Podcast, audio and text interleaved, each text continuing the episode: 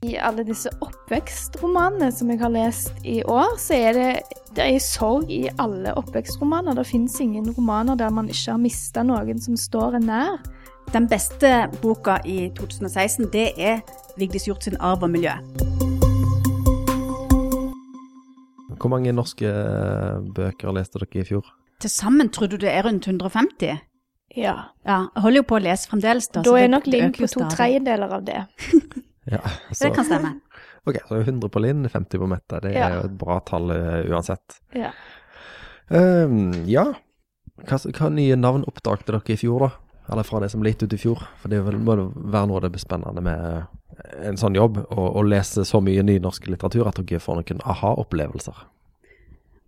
Ja, jeg har oppdaga veldig mange nye krimnavn, men de kan jeg snakke om litt eh, seinere. Og så har jeg eh, egentlig lest Det er deilig at når man kan få lest disse forfatterskapene som man konstant går og har dårlig samvittighet for fordi man ikke har fått lest før.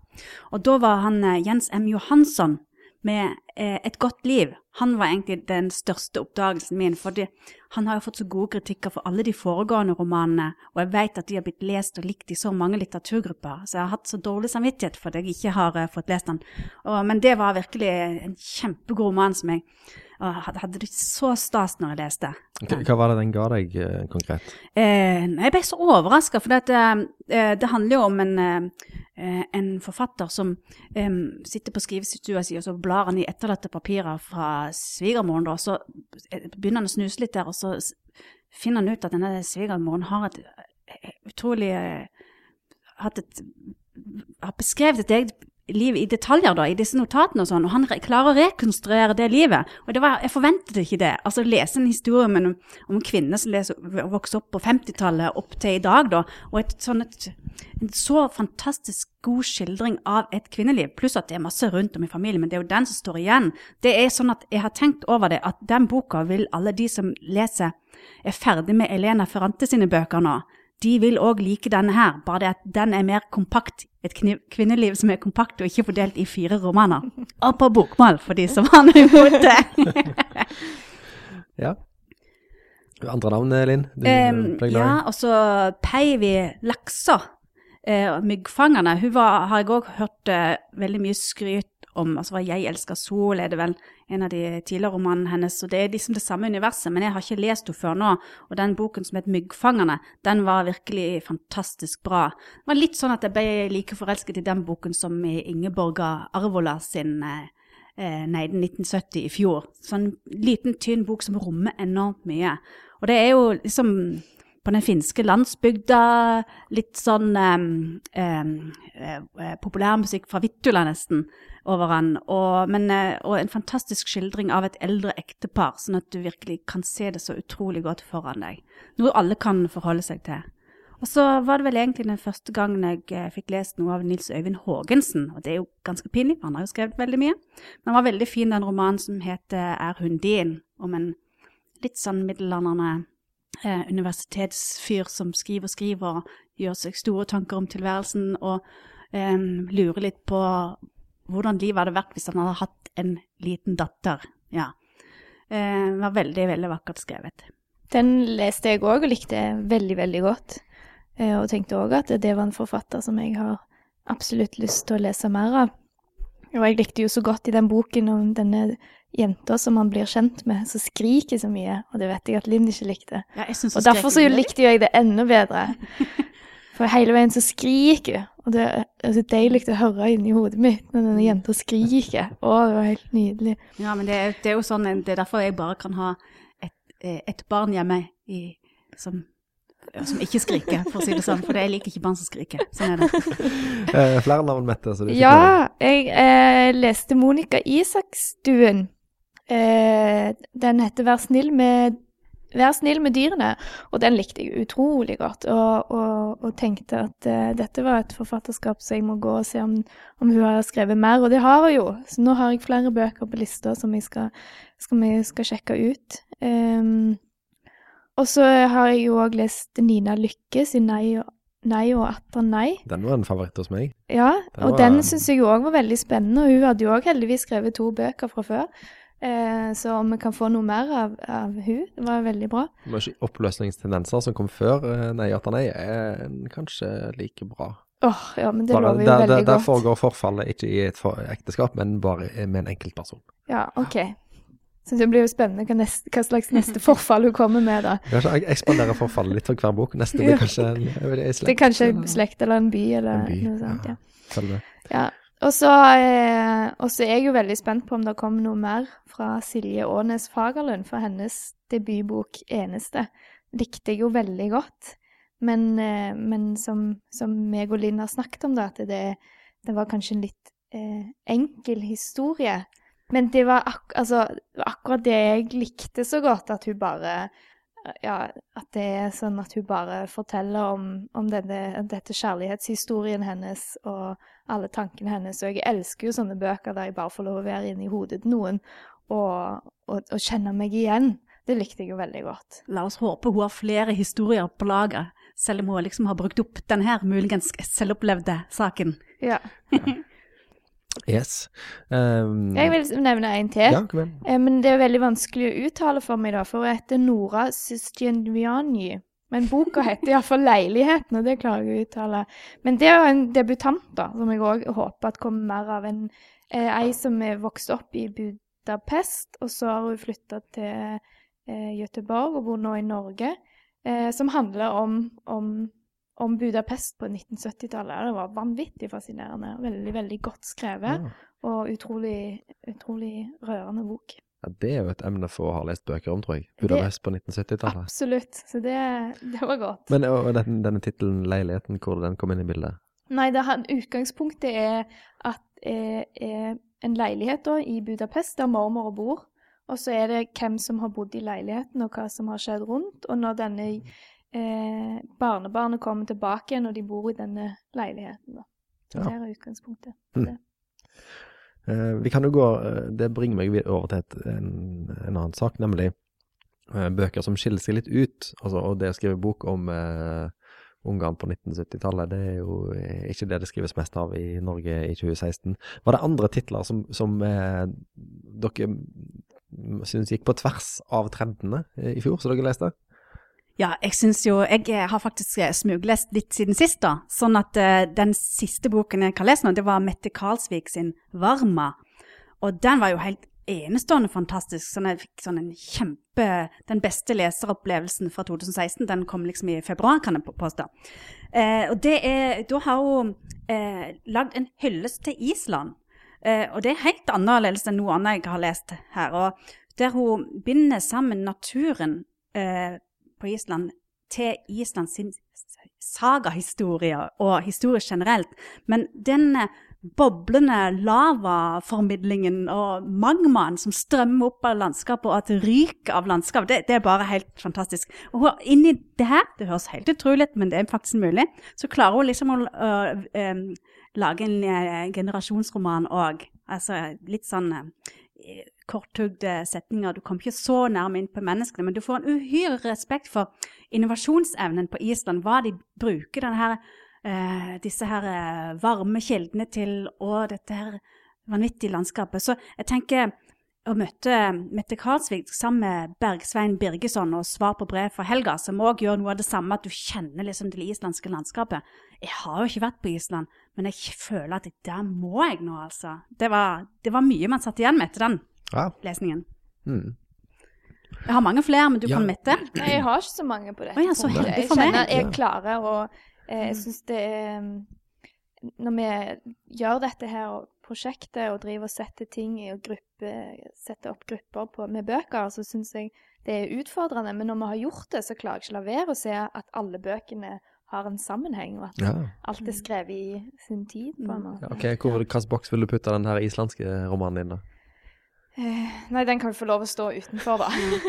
Litt av hvert. Litt av hvert. Linn, har du er flere? Ja, ganske- ja, ja, oi, ja. Veldig mange ulike leseopplevelser. Ja. eh, eh, en annen er vel òg debutant, og ble òg nominert til uh, Tarjei Vesaas-prisen nå. Og det er Sara Sølvberg som har uh, kommet med noe, eh, en slags kortprosaroman, veldig lyrisk, som heter 'Seismiske smell'. Og den var òg helt annerledes. Det var nesten sånn at jeg leste bare halvveis og tenkte å herregud, for en opplevelse, dette er bare fantastisk. Og det var nesten sånn at jeg trengte ikke lese den ut ennå, for jeg var allerede så begeistra halvveis, og det er jo ganske sjeldent. Men den, den, den må alle sjekke ut, for den um, uh, det uh, hun dikter jo rundt alt som har med vann Det starter med en jente som blir operert, og idet hun går inn i narkosen, så er det akkurat som hun synker ned i havet. Da. Og så, går, så forfatteren da, henter jo opp alle slags undervannsdyr i havet og alt som har med molekyler å gjøre, og så dikter hun videre på det. Og det var bare en umenneskelig godt gjort, syns jeg. Det var virkelig en språklig opplevelse. Åh, jeg ble veldig glad av å lese den. Mm. Eh, og så en, noe helt annet som jeg ikke ventet. Det var litt sånn tvangslesning her. Erik Grønner har skrevet en bok som heter Skipsbyggerne. Og den handler rett og slett om skipsverft og sånn på 80-tallet vel eh, rundt Oslofjorden, og kampen for tilværelsen der. Hvordan man gjennom omorganisering skulle spare penger for å utkonkurrere liksom, de polske verftene og sånn. Og det, i himmelens navn, hvem skulle trodd jeg kunne bli interessert i noe sånt nå? Men det var rett og slett interessant. Ja. Og så leste jeg eh, Dag Johan Haugerud sin enkle atonale stykker for barn. Og Det var òg mitt første møte med Dag Johan Haugerud, og det var veldig positivt. Men det er viktig at man skjønner det at eh, det er tre frittstående historier for det, jeg skulle være så tøff i trynet og ikke lese bak på boka, ikke sant? men uh, hadde jeg visst at det var um, tre frittstående historier som de, de, Til slutt så finner man kanskje ut at det er en sammenheng det likevel, altså, men det er lettere å få en fin leseropplevelse hvis man skjønner konseptet. Uh, og den, den var òg utrolig tøff. Det er gode forfattere altså vi har her i Norge. Ja. ja. ja også det Gunhild Øyehaug sin 'Draumeskriver'. Den var jo òg veldig sånn som det tok litt tid før jeg skjønte hva det var jeg leste, og den er jo virkelig noe for seg sjøl. Der eh, alle novellene er drømmer. Eh, og det går jo egentlig ikke an å skrive om drømmer på en normal måte, for det, det er så utrolig sært i seg sjøl. Mm. Eh, så den, var, den, den, skulle jeg nok ha lest litt om på forhånd før jeg begynte å lese den for å kunne forstå mer av det jeg, mm. det jeg satt og leste. Jeg tenkte òg at eh, egentlig noe som er betegnende for hele boka, det er jo det at det er så mye forskjellig. Så jeg tenkte det eh, Egentlig burde man ha en, en egen podkast om alt som var ulike kortposer ikke sant? og billedbøker, for det er så variert hva som har kommet. Så jeg har egentlig en kjempelang liste, men det, det tror jeg ikke vi får tid til. Nei, det kan vi spare til en annen gang. Mm. Um, men for å gå litt mer i, til midten av veien igjen, da, så eh, var jeg jo på denne presentasjonen dere hadde av bøkene uh, for bibliotekarer i Sør-Rogaland Sør tidligere i vinter, og hvor dere da gir, grupperer de inn sant, etter tema. Um, og dere har eh, tema som heter f.eks. 'Midten av livet' og 'Familier i oppløsning'. Altså at dette her er det skrives det mye om i norsk litteratur i dag. Eh, hvordan har vi det i Norge i midten av livet? Går familien i oppløsning?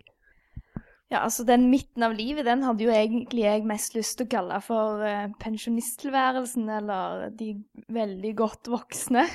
Um, fordi at jeg syns det var så mange bøker som handla om, om, om de, da, som, mm. eh, som ikke er det næreste i, i, min alder. Og er de fornøyde når de er blitt godt voksne i disse norske bøkene? Eller hvordan har de det? Nei, de har det nok egentlig ikke så veldig, Nei, hva, så veldig bra. Det, hva, hva titler har vi snakket om nå? Eh, jeg har jo lest denne 'Holke' av Helene Uri. Med et ektepar som, som sitter fast inne i leiligheten sin fordi det blir så mye holka ut forbi, så de kommer seg bare ikke ut. Og de må bare leve der inne med bare hverandre og komme, eh, og komme til et punkt der de må begynne å lete litt i matskapene etter hva, som, hva, hva mat har vi igjen, hva kan vi leve av nå. Det blir jo selvfølgelig en stor konflikt når de begynner å skjønne at søpla må ut, for det begynner å lukte vondt. Ah. Eh, og det nøstes opp ganske mye i det ekteskapet, da, som egentlig eh, har, jeg syns det virker bare dritfælt fra begge sin side, men, eh, men, de har jo holdt ut, da. Men har livet egentlig vært så veldig bra? Ja. Men nå, nå, du, nå var du liksom oppe i de godt, godt, godt godt voksne igjen. For nå trengte jeg egentlig vi skulle snakke litt om de der skilsmissebøkene. Men, eh, ja. men eh, vi kan godt ta de der godt, godt, godt voksne først. Ja, for det er jo en del av de var jo, eller, det var jo liksom, Jeg følte det var et par bøker om sånne um, um, um, eldre venninner som finner sammen igjen. ikke sant? Og pluss altså, eldre fraskilte kvinner gjerne som prøver å finne lykken på nytt, eller skal finne ut av tilværelsen gjerne på egen hånd. For man er jo ikke alltid nødt til å ha en mann ved sin side. Det går òg uten, tro det eller ei. Eh, men jeg leste i hvert fall én sånn, liksom, sånn pensjonistdame som liksom skal eh, finne Nyte tilværelsen samtidig som det skal være givende tilværelse. Og den, den tror jeg veldig mange vil like å lese. Det er Anne Kristin eller Anne CH Østby, kanskje det, Kristin? Og den heter 'Biter av lykke'. og Det var ikke sånn en feelgood-roman, men det er litt sånn selvutvikling og 'kvinner kan, kvinner vil', sånn for de eldre, da. Så mor mi likte den helt kjempegodt og kommer til å lese alt av eh, Anne CH Østby. Mm. Ja. Det, var, eh, det, var, flere òg, men det var ikke alle som var like gode. Nei, Men det, men det er en del eh, familier i oppløsning, da? Mener ja. dere? Altså, skilsmisser og sånne ting? Det er veldig, det var ekstremt mye av de bøkene i år, syns jeg. At det var litt sånn påfallende. Men det er vel det som kanskje skjer nå, da. Jeg vet ikke, jeg. Men det kan jo ikke være mer av det nå enn det var før. Men det er utrolig mange av de bøkene, og de er utrolig gode, eh, syns jeg. Jeg eh, liker å lese om sånt, jeg. Ja, man liker jo ofte det, de som har det verre enn mm, en ja. oss, da. Og der er jo denne 'Vær snill med dyrene', som jeg nevnte tidligere, ja. som er en veldig god skildring av en, av en skilsmisse, og hun som sitter igjen, eh, og, og, hvordan hun opplever det å ha et barn på deltid, mm. som jo er veldig nært for mange. Ja, og det er, jo samme, det er, jo det samme som skjer i, i boken til Agnar Lierhus, som heter 'Liten kokebok'. Og det er òg det samme, med den skilsmissen der to foreldre liksom har en dragkamp om barna. Og der de jo òg misbruker barna, ikke sant. For du, de barna de, de, har det ulikt hos hver av foreldrene. Og så kjenner du det, det er vonde, det er ekstremt vonde når barna på en måte blir misbrukt av foreldrene for å gjøre hverandre litt vondt, da. Så den, det er ubehagelig, men det er viktig at disse bøkene finnes, bare for, sånn at, for det finnes jo mange foreldre som faktisk oppfører seg sånn. Skjerpings. Mm. Hva er det som får familiene til å gå i oppløsning nå i 2016, sånn som dere har lest det? Jeg syns jo det virker veldig sånn Mye av disse bøkene starter jo med disse kvinnene som er på jakt etter det perfekte liv, og det har de jakta på eh, ganske lenge, og det jobber de hele veien med. Og så tror jeg at eh, man når et, en ende der man skjønner at det, det går ikke an å komme dit. Og da begynner det å forfalle. Eh, blant annet i den ja, altså i flere bøkene så kjenner jeg på den der at, at hva andre ser, er så utrolig mye viktigere enn hvordan man egentlig har det, da. Når man eh, Ja. Altså de er styrt av eh, omverdenen sitt blikk på en sjøl? Ja, absolutt. Hmm. Hmm. Ja. Jeg vet ikke, men jeg leste en annen bok, og der, der, der, da er det jo utroskap. Da. da er ikke ekteskapet gått i stykker men det er jo kanskje muligens en eh, Det kommer vel kanskje til å skje. Eh, fordi at er, Det er Mattis Øybø sin 'Elskere', som òg var en veldig god roman. Og Der er det en, eh, en mann som er utro i veldig veldig mange år. og Det er akkurat liksom det er jakten på spenningen. Og så dør hun elskerinnen, og så er det denne ufattelige sorgen som han uh, føler for hun, og så har han ingen å dele med det, for det er jo hemmelig, dette her. Uh, men så den, den var òg veldig god, altså. Der er det jo utroskap, gitt. Ja, ja, ja. ja, det er mye utroskap, ja. Um, da Ingunn Økland for Aftenposten var hos oss før jul, så snakket du om uh, årene 2006 til 2016 i norsk litteratur. Og det foredraget hadde undertittelen 'I skyggen av Knausgård'. Uh, er det fortsatt en sterk sjølbiografisk trend i norsk skjønnlitteratur? Eh, ja, men kanskje det har dabbet litt av. Men eh, jeg tror det òg det alltid har vært det. ikke sant? Men nå blir det så veldig fokus på det, og så ble det ekstra fokus på det i fjor siden Vigdis Hjort sin bok ble så, fikk liksom det stempelet på seg. og at Det var veldig mange kritikere som hang seg opp i hva som var likt og ulikt ved Vigdis Hjort sitt liv. Jeg syns det, det, var dumt, altså. For Vigdis Hjort sin bok Uh, nå, nå, står det helt stille. Hva er det heter for noe? Arv og miljø. Arv og miljø, ja. Det var jo helt fantastisk. Men uh, istedenfor å eh, få fullt fokus på innholdet i boka, det med eh, eh, overgrip i familien, og hva det gjør med en familie, så, så, ble jo hele debatten om virkelighetslitteratur, hva som var sant i Vigdis Hjorts liv og ikke. Men det, det er liksom Den der syns diskusjonen ble mye, mye tatt av litteraturkritikere i Oslo-gryta, der selve bokbransjen er. For vi som er litt utenfor, vi har ikke så inngående kunnskap om hva Vigdis Hjorts har uh, hatt uh, av tekst i, i begravelse. Altså, vi, vi, driver ikke og er detektiver for å snoke i andres liv, og det syns jeg ikke kritikerne skal gjøre heller, altså. En roman er en roman. Hvis man skal skrive en uh, selvbiografi, så har jo alle forfattere muligheten til å gjøre det. Da er vi, da er vi oppe på sakprosa. Så hvis en forfatter kaller en roman en roman, så må man ta det for det det er. Det er nå min mening. Så derfor tenker jeg, og det, det er mitt utgangspunkt for hver eneste roman, da. Så den diskusjonen syns jeg egentlig er litt uinteressant. Hvis en forfatter kaller det roman, hva han bruker av eget liv, det bryr jeg meg ikke om. Altså, Noen ganger blir jeg jo litt mer kikker enn andre, jeg òg, men det er ikke det som er hoveddrivkraften. For det, det ødelegger jo leseropplevelsen min da. Ja, jeg er helt enig. Det betyr jo ingenting for meg hva bakgrunnen forfatteren har for å, for å ta opp av temaet i boken sin, eller noen ting. Så lenge boken er god og jeg blir engasjert, eller Mm. bryr meg, eller blir lei meg, eller et eller annet sånt, så er jeg kjempefornøyd. Men eh, de Men- må få lov å ha den bakgrunnen de har, og jeg er jo ikke interessert i Vigdis Hjort sitt privatliv heller. Nei, men hvis det ligger da. Men dere har jo en kategori med bøker som heter Meg, meg, meg. Hvor det Ja. iallfall er den som forteller uh, en person sitt indre liv, eller uh, Ja, for mitt inntrykk er jo at det er en god del bøker som uh, Det blir veldig mye sentrert rundt hovedpersonen, som jeg helt sikkert er ganske mye forfatteren.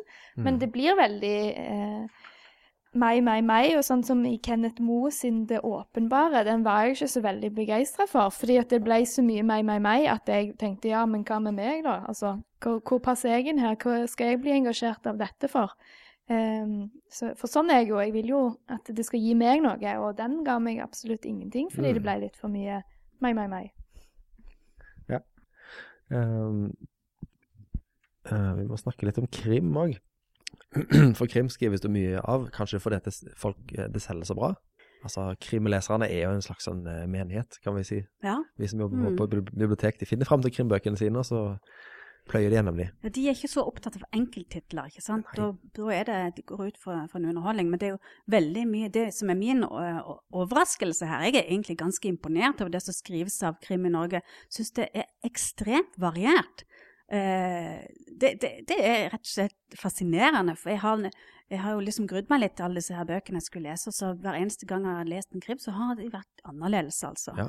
Så det, det er mye mer eh, sprik innad i sjangeren enn man skulle tro. For man, Ja. ofte når man omtaler krim, så er det liksom en, en, en bolk med bøker som er, er liksom oppskriftslitteratur. De har, et, de, har et det er- svart, de har et svart omslag, og så har de et sånn ordspill på litt sånn der, eh, som er sjakkmatt eller eh, Ja, de kan godt jobbe litt mer med de der, eh, de der orkestergraven. Det heter sånne ting, ja. ja.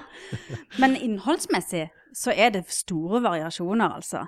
Så, så det var en stor positiv overraskelse i år. Men også var det litt morsomt, da, for det var tydelig at eh, veldig mange forlag har kastet seg på den der eh, boksuksessen, den 'Pilegrim' av Terry Hayes, som jeg ikke har lest, men folk har forklart meg. For jeg har sagt, fortalt det. Det er utrolig mye sånn biologiske massedrapsvåpen i, i årets eh, krimromaner. Og hvis man leser da tre krimromaner på rad, og alle har et mystisk biologisk massedrapsvåpen, så er det jo litt sånn sp- spennende. Gi meg noen eksempler på hvordan funker disse våpnene som du har lest om. Eh, ja, altså for, eh, noen av Det var jo noen Det var ikke alle romaner som var like gode, men jeg bare, bare nevner noen av drapsvåpnene. Det var f.eks. sånn muterte sopp. Som? Man vet jo alle hvordan en giftsopp kan ødelegge eh, eh, Hva er det det heter, dette her eh, ikke, Nyrene. Nyrene. Nyrene, ja. ja. Altså det, altså, det, hvis man, og hvis man da har en sånn mutert giftsopp i en suppe, som en posesuppe, og sende ut i verden, da er det gjort, altså. Så mange nyrer klarer man ikke å finne fram til hvis man skal reparere det. Og så var det en sånn Alzheimer-sprøyte, ikke sant? Sprøyte inn Alzheimer, så bare sånn, så du blir he mister hele hjernen din med en gang. Og, og det kan du bruke på mange på en gang. Og så var det sånne giftskyer med virus, ikke sant? Så du kunne sprøyte Hvis du fyller en, en ballong med, en sånn, med et virus, og så sprekker han inn i en hotellfoyer, der det er masse festkledde mennesker, fuff, så er alle syke, og så dør de. Ja, em, på et avgrenset område. Det er jo veldig greit at det fremdeles er på et avgrenset område. Ja, ja. Og så var det en da, den likte jeg veldig godt, da, Øystein Wiik sin Skorpionen. Da, eh, da var det hva var det? Det, det, var litt, det er litt vanskelig for meg å forklare, da, for her er det jo veldig sånn kritikk mot um, IT-teknologi og det at det er så rivende utvikling. Men da var det sånn at man kunne hvis man fikk tak i DNA til alle verdens toppledere, ikke sant, så kunne man skreddersy virus og koble det opp mot DNA. sånn at da kan du på en måte lage en sykdom som bare treffer ett menneske, men ett viktig menneske. Og det, det gjorde jo tanken streifer meg jo at ondskapen i meg tilsier jo at jeg kunne tenke meg å bruke et sånt våpen i ny og ne. Mm. Men, eh, ja, men da syns jeg de beste var altså Øystein Wiik, 'Skorpionen', og så Tom Christensen sin 'Pandora'. Men liksom sånn økonomisk krim òg, at man liksom skulle lære sånn aksjespekulasjoner, sånn at man kan fòre IS med penger. Spennende. Ja. Eh, ja, for, for, for jeg har skjønt at dette med krim, så kan dere se liksom trendene. Eh, som vår gode kollega Aud Jorunn Aano eh, sa at var det i fjor eller forfjor, så var det bare altså, misbrukte barn som tar hevn over eh, institusjonene som har eh, ødelagt dem. Det var liksom det alle skrev om. Så nå er nye måter Kanskje å det var mer variert i år, altså. Ja. Jeg hadde f.eks. en sånn fjellklatrerspenningsroman som var veldig god. 'Everest' av Odd Harald Hauge. Jeg har jo ingen intensjoner å bevege meg ut i naturen, men det slipper jeg jo, for jeg kan lese om en sånn fjellklatrer. Det å bestige Mount Everest er slitsomt, altså. Veldig spennende. Og så har du en som var litt mindre filete, det er jo sånn rettssalsdrama. Chris Tvedt. Han er jo veldig godt kjent, men jeg hadde ikke lest noe. Den, den var veldig god òg. Og så um, 'Den som forvolder en annens død', het den. Og så var det en, egentlig en krim som der mye av handlingen foregikk i Stavanger. der han Forfatteren har jo mer peiling på Stavanger enn meg. Heine Bakkeid sin 'Jeg skal savne deg i morgen'. Eh, og også Gert Nygaardshaug sin 'Budbringeren'. Første gangen jeg leste Gert Nygaardshaug òg. Det var trivelig, rett og slett. Litt sånn nest, Jeg ler jo aldri når jeg leser bøker, men litt sånn småhumring, kanskje. Og så Karin Fossum, ikke sant, som egentlig syns hun er en skjønnlitterær forfatter. Tror, sånn sjanger, Hun selger mer bøker når hun heter krim, altså. At når um, hun kaller krim en veldig god forfatter. Men den beste, den gøyeste overraskelsen i år, det var jo i jeg må bare kalle det spenningslitteratur, for det var rett og slett en science fiction-roman. Når leser jeg science fiction? Det skjer jo ikke. Men det er, da er det en som har skrevet flere krimbøker før, da. Uh, Ørjan Nordhus Karlsson. Og jeg vet ikke om det er noen mange eh, norske forfattere som skriver science fiction, men han, han holder på med noe som skal bli en trilogi. Og eh, i en serie som går under navnet 'Huset mellom natt og dag'. Og bok to, som heter 'Speilets bakside', leste jeg da. Og den er bare Det er jo em, det er liksom en slags Blade Runner-univers. ikke sant? Kampen, det gode mot det onde. Sånne cyborger, halvt menneske, halvt maskin. ikke sant? Og så er det liksom, du har chipper Du, har, du slipper å løpe rundt med noen datamaskiner eller telefoner, for du har alt inni hodet. Du kan bare switche om inni hjernen din, og så er du liksom oppe i det store internettet og kan laste ned informasjon. Og hvis du vil holde det hemmelig, så har du ditt eget internett inni hodet. Ja. Eh, veldig Også genpest og også sånne Hva heter det for disse her eh, masseproduksjonene av disse plastbitene som vi har på biblioteket òg. Eh, nå, nå står det liksom 3D-skriver. Hm? En 3D-skriver kan selvfølgelig bli litt kjappere, kan du si. Eh, altså sånn at man kan lage liksom 100 000 eh, eh, drapsbier eller drapsinsekt i løpet av eh, fem minutters tid. Mhm. Så framtiden lover ikke godt, den heller. Nei. Men veldig spennende. Og tenk at eh, en god forfatter Det er jo samme hvor galt det er hvis man, han bare klarer å få oss til å tro på det.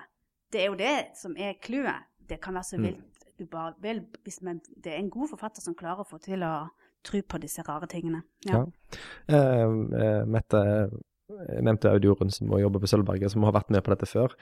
Men hun pleier å si at det finnes mye smerte i det norske folk, når hun oppsummerer disse bokårene. Er det fortsatt mye smerte i det norske folk, vil du si? Ja, det er fortsatt mye smerte i det norske folk. Hva er det vi sliter med? Nei, eh, ja, altså Eller eh, jeg vil jo òg si at i den kategorien som vi kaller ung voksen, som jo handler mye om det å finne seg sjøl og, og sånn, så er det, er det, det er Det høres litt sånn fislete ut, og kanskje spesielt når man er voksen og har funnet seg sjøl, men det er ganske mye smerte i det å å finne ut hvem man er, og gjøre ekstremt mange dumme valg på veien som bare gjør vondt. da. Men så er det jo òg i, i alle disse oppvekstromanene som jeg har lest i år, så er det det er sorg i alle oppvekstromaner. Det fins ingen romaner der man ikke har mista noen som står en nær. Eh, som gjør at det jo selvfølgelig har vært svært vanskelig å, å vokse opp og, og finne sin vei, da. Eh, for i både Bergen Ungdomsteater av han Pedro Carmona Alvarez, eh, så er det jo dette her med hun Marita som, eh, som bor i Bergen, eh, og som har dette tapet av søstrene som hun aldri har møtt, som ligger som et sånt tungt bakteppe. Eh, og så er det jo ironisk nok så blir hun jo kjent med en eh, Så blir hun god venn med en som, som da er en tvilling som egentlig skulle hatt en bror. Eh, men broren døde i fødselen, var det vel. Så da er det liksom Han òg sliter med sånn tungt eh, Men, men Ja. må det ikke være litt tungt for at det skal bli liksom en, eh, en, en, historie som er vektig nok til å fortelle? Liksom? At det, det skal være noen store følelser på spill? Det er i hvert fall da det gjør mest inntrykk. Det er jo de romanene man husker, de som har noe som gjør at Det, det er jo fryktelig mange forfattere som skriver godt, men som kanskje ikke har så mye på hjertet, eller at det ikke er så viktig. Um, at, det ikke, at du ikke kjenner At det ikke går løs på noen av strengene du har i kroppen. ikke sant? Så jeg liker jo Det må være litt sånn følelser involvert her, altså. Og Jeg leste- uten det så ville det ikke, så ville det ikke vært Mm. eh, ja, Du hadde ikke lest det hvis det ikke var så, så tungt. Også. Vi vil alltid ha mye smerte i det norske folk, Mm. i litteraturen. Mm. Det blir vi ikke kvitt, og det tror jeg er bra. Ja. Men eh, hvor, hvor ofte lo dere under lesningen av disse 150 bøkene? Det var jo selvfølgelig svært sjelden. da. Ja, det Nå er har meg og Linn litt problemer med å le av bøker som et utgangspunkt, da. Jeg lo jo jeg har et, I hvert fall to ganger har jeg klart å telle at jeg nesten lo, iallfall. Altså, da tenker vi sånn litt humring inni meg. Ja, hvis vi humrer litt, da er det morsomt. Ja, og da, da, da hyler alle. Da er det årets morsomste roman. for det, da må jeg si, da denne Janne Stigen Drang solgte 'Vinter i verdens rikeste land', det blir jo sagt at dette, liksom er, dette er jo bok nummer to om denne Ingrid som underviser i engelsk litteratur. Eh, gift med advokat og har to barn. Eh, og den forrige var, var jo, den likte jeg ikke så godt, for den var litt for mye slapsticks. Men nå har hun, fått vekk det der eh, eh, Nå er det blitt litt mindre mor- moro da, for andre, men det ble en bedre bok for meg. Men der var det en eh, veldig god scene, for da skal hun pusse opp dette ekstremt dyre huset hun har kjøpt. da, og så, og så for å spare penger så skal hun få hjelp av den handy nab naboen. da, Og de er veldig hjelpsomme med å rive et hull i taket, da. Men så er det ikke mer hjelp å få. så det, det er jo krise. Du står der og har et uh, kjempedyrt hus med et tillegg et kjempestort hull i taket. Det likte jeg veldig godt. Da lo jeg nesten. Og så var det en annen bok, da. Den, var veldig, veldig trivelig. Det var en sånn eh, eh, Audun Mortensen. Nylig historikk, heter han. Eh, og det er liksom en samling av sånn Facebook-oppdateringer, Twitter-meldinger, som gir en veldig godt samtidsbilde av hva, hva vår verden er i dag, altså. Og der var det veldig mye morsomt. Den har jeg brukt mye, jeg har lest mye høyt.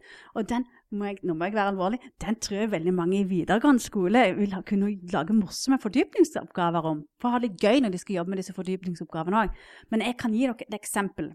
Jeg er ikke sikker på om dere syns det er så moro, jeg er jo litt sånn tørr. Men eh, det er da masse Facebook-oppdateringer. Da, da er det en mann som deler et bilde av en megler som viser et ungt par rundt i en leilighet, over kommentaren. Det er lite og dyrt, men vent til dere ser alle Pokémonene. Og da lo jeg, vet du. Det var veldig mange andre. Noen var litt grove òg, så de turte jeg ikke ta her. Ja, jeg har jo da lest den boka som heter Irma Dahl, den dedikerte begravelsesagenten av Kristine Henningsen. Eh, og da lo jeg litt. Altså, det er nok en sånn typisk bok som mange vil hyle av. Eh, og så jeg humrer litt innimellom da. Den syns jeg var eh, Fordi at hun drar karakteren sin så ekstremt langt at jeg ikke lenger syns det er vondt å lese om, det. Eh, for det er det som jeg ofte opplever at man skal skrive noen, om noen som er så morsomme, eller er litt sånn på kanten og sånn. Men så klarer ikke jeg Jeg syns bare det gjør vondt, da.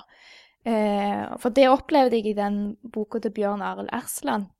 Eh, som handler om denne fylkesbibliotekaren som skal gå med pensjon. og og det skal, jeg skjønner jo at det skal være morsomt, eh, og jeg, i begynnelsen så lo jeg litt, fordi at beskrivelsene var eh, litt sånn som jeg kan kjenne igjen noen som jeg jobber med på biblioteket. At jeg rett og slett kjente at å ja, ja, det minner jo litt om noen som jeg kjenner. Og så humra jeg litt av det. Men så, men så begynner det bare å gjøre vondt at han har så lite innsikt eh, og forstår så lite av seg sjøl. Så da, den det ble jeg ja, det ble litt for tungt for meg da. Mens i denne Irma Dahl så blir det dratt så langt at, det, at jeg, jeg ler, rett og slett. Rett og slett, altså. Rett og Du måtte faktisk le. Ja. Ja, det var, det var godt. Uh, jeg må spørre dere om Altså, uh, verden holder jo på å gå litt av hengslene. Med, eh, hvis vi ser ut forbi den, til og med ut forbi den norske kjernefamilien og utenfor uh, vårt eget land. Er det andre enn krimforfatterne som, som skriver om det? At vi lever i eh, turbulente tider? Som har en slags sånn eh, skal, skal skrive den der store verdensromanen som forteller hvordan ting er? Eller er vi godt, Den var kanskje fraværende i år. eller er vi Nei, i fjor, mener jeg. vi er godt forskansa innenfor Mm. Ja, så jeg syns jo husets fire vegger? eller Det var jo ei bok som jeg syntes var veldig interessant, men, eh, som heter 'Mine brødre' av Adel Khan Farouk, som er en debutant. Eh, som skriver om en, om en norsk-pakistansk gutt i Oslo eh, som, som finner sin eh, Prøver å finne sin vei, da. Eh, og som blir liksom presentert Altså han, først blir han kjent med ei, ei somalisk jente som lærer han om om islam, og, og de går på biblioteket og leser Koranen sammen og snakker mye om, om det. Og så samtidig, så etter hvert så treffer han en, eh, en, en mann på gata omtrent, som liksom tar han under sine vinger, og lærer han òg om islam eh, og hvordan du skal være en god muslim. Eh, og så er det en sånn det er en litt sånn opplæringsroman, da, fordi vi skal lære noe om, om det som om Om radikalisering? om det. radikalisering, rett og slett. Eh, og hvordan Og at ikke islam er, er det samme, på en måte, hos alle.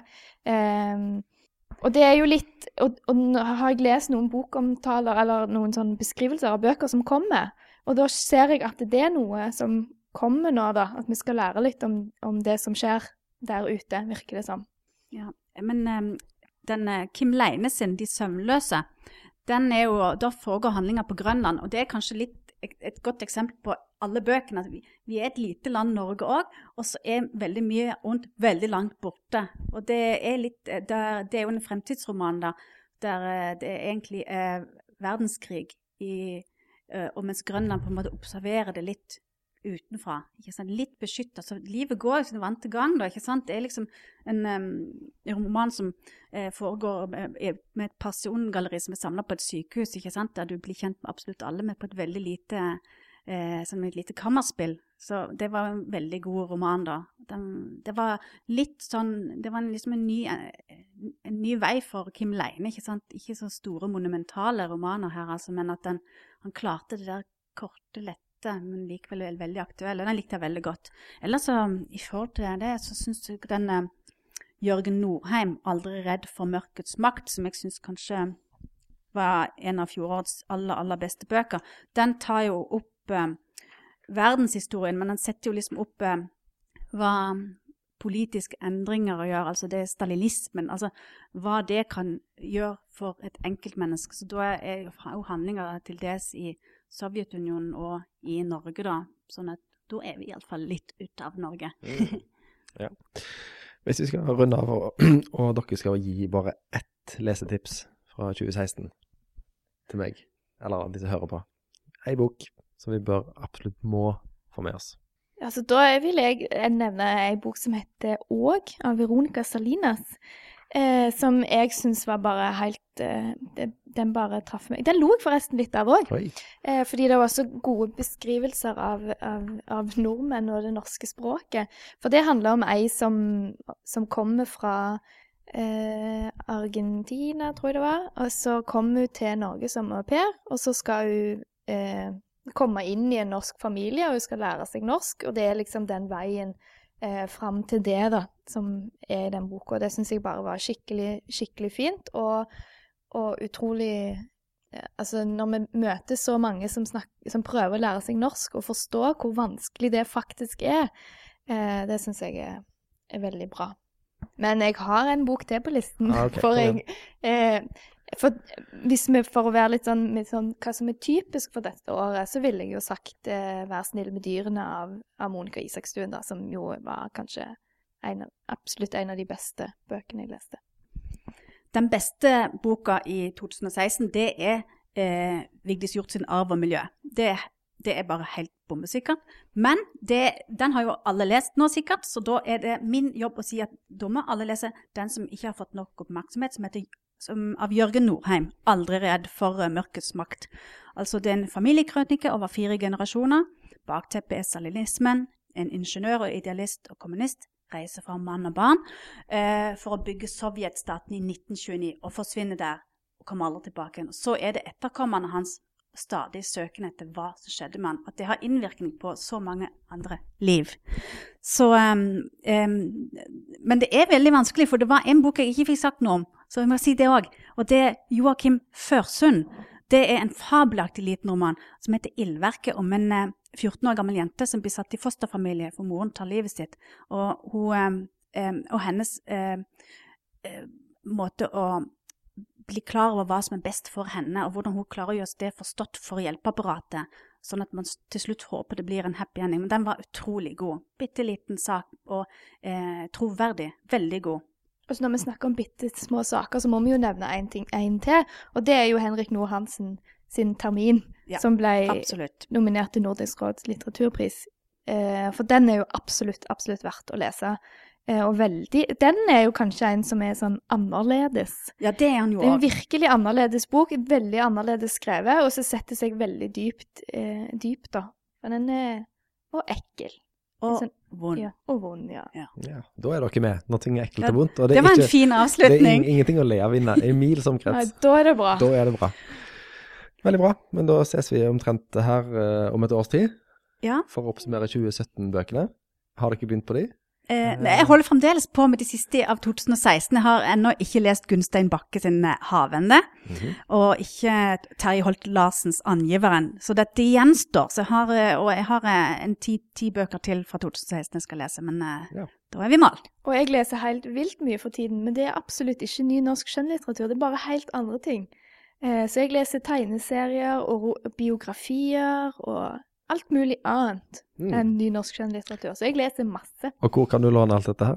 på biblioteket. På biblioteket. Det er riktig.